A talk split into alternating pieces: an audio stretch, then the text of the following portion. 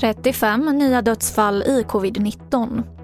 Planerat terrordåd i Stockholm stoppades under påskhelgen och resorna ökade med nästan 1000 procent inom Sverige under påsken. TV4-nyheterna börjar med att 35 nya dödsfall har rapporterats in i covid-19 idag. Och totalt har nu 13 533 personer avlidit av sjukdomen i Sverige. Det här meddelades under Folkhälsomyndighetens pressträff idag.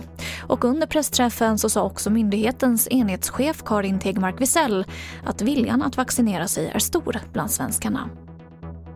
Och det handlar om att 91 procent av de som är tillfrågade svarar att ja, de vill troligen vaccinera sig. Knappa 70 procent säger helt säkert att de vill vaccinera sig och dryga 20 procent troligen, men att de har en del frågor som berör dem, sin medicinska situation och så vidare.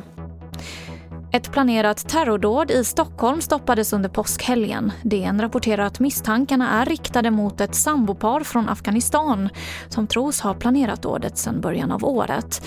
När Säkerhetspolisen bedömde att risken för ett dåd var överhängande så slog man till och de misstänkta häktades igår.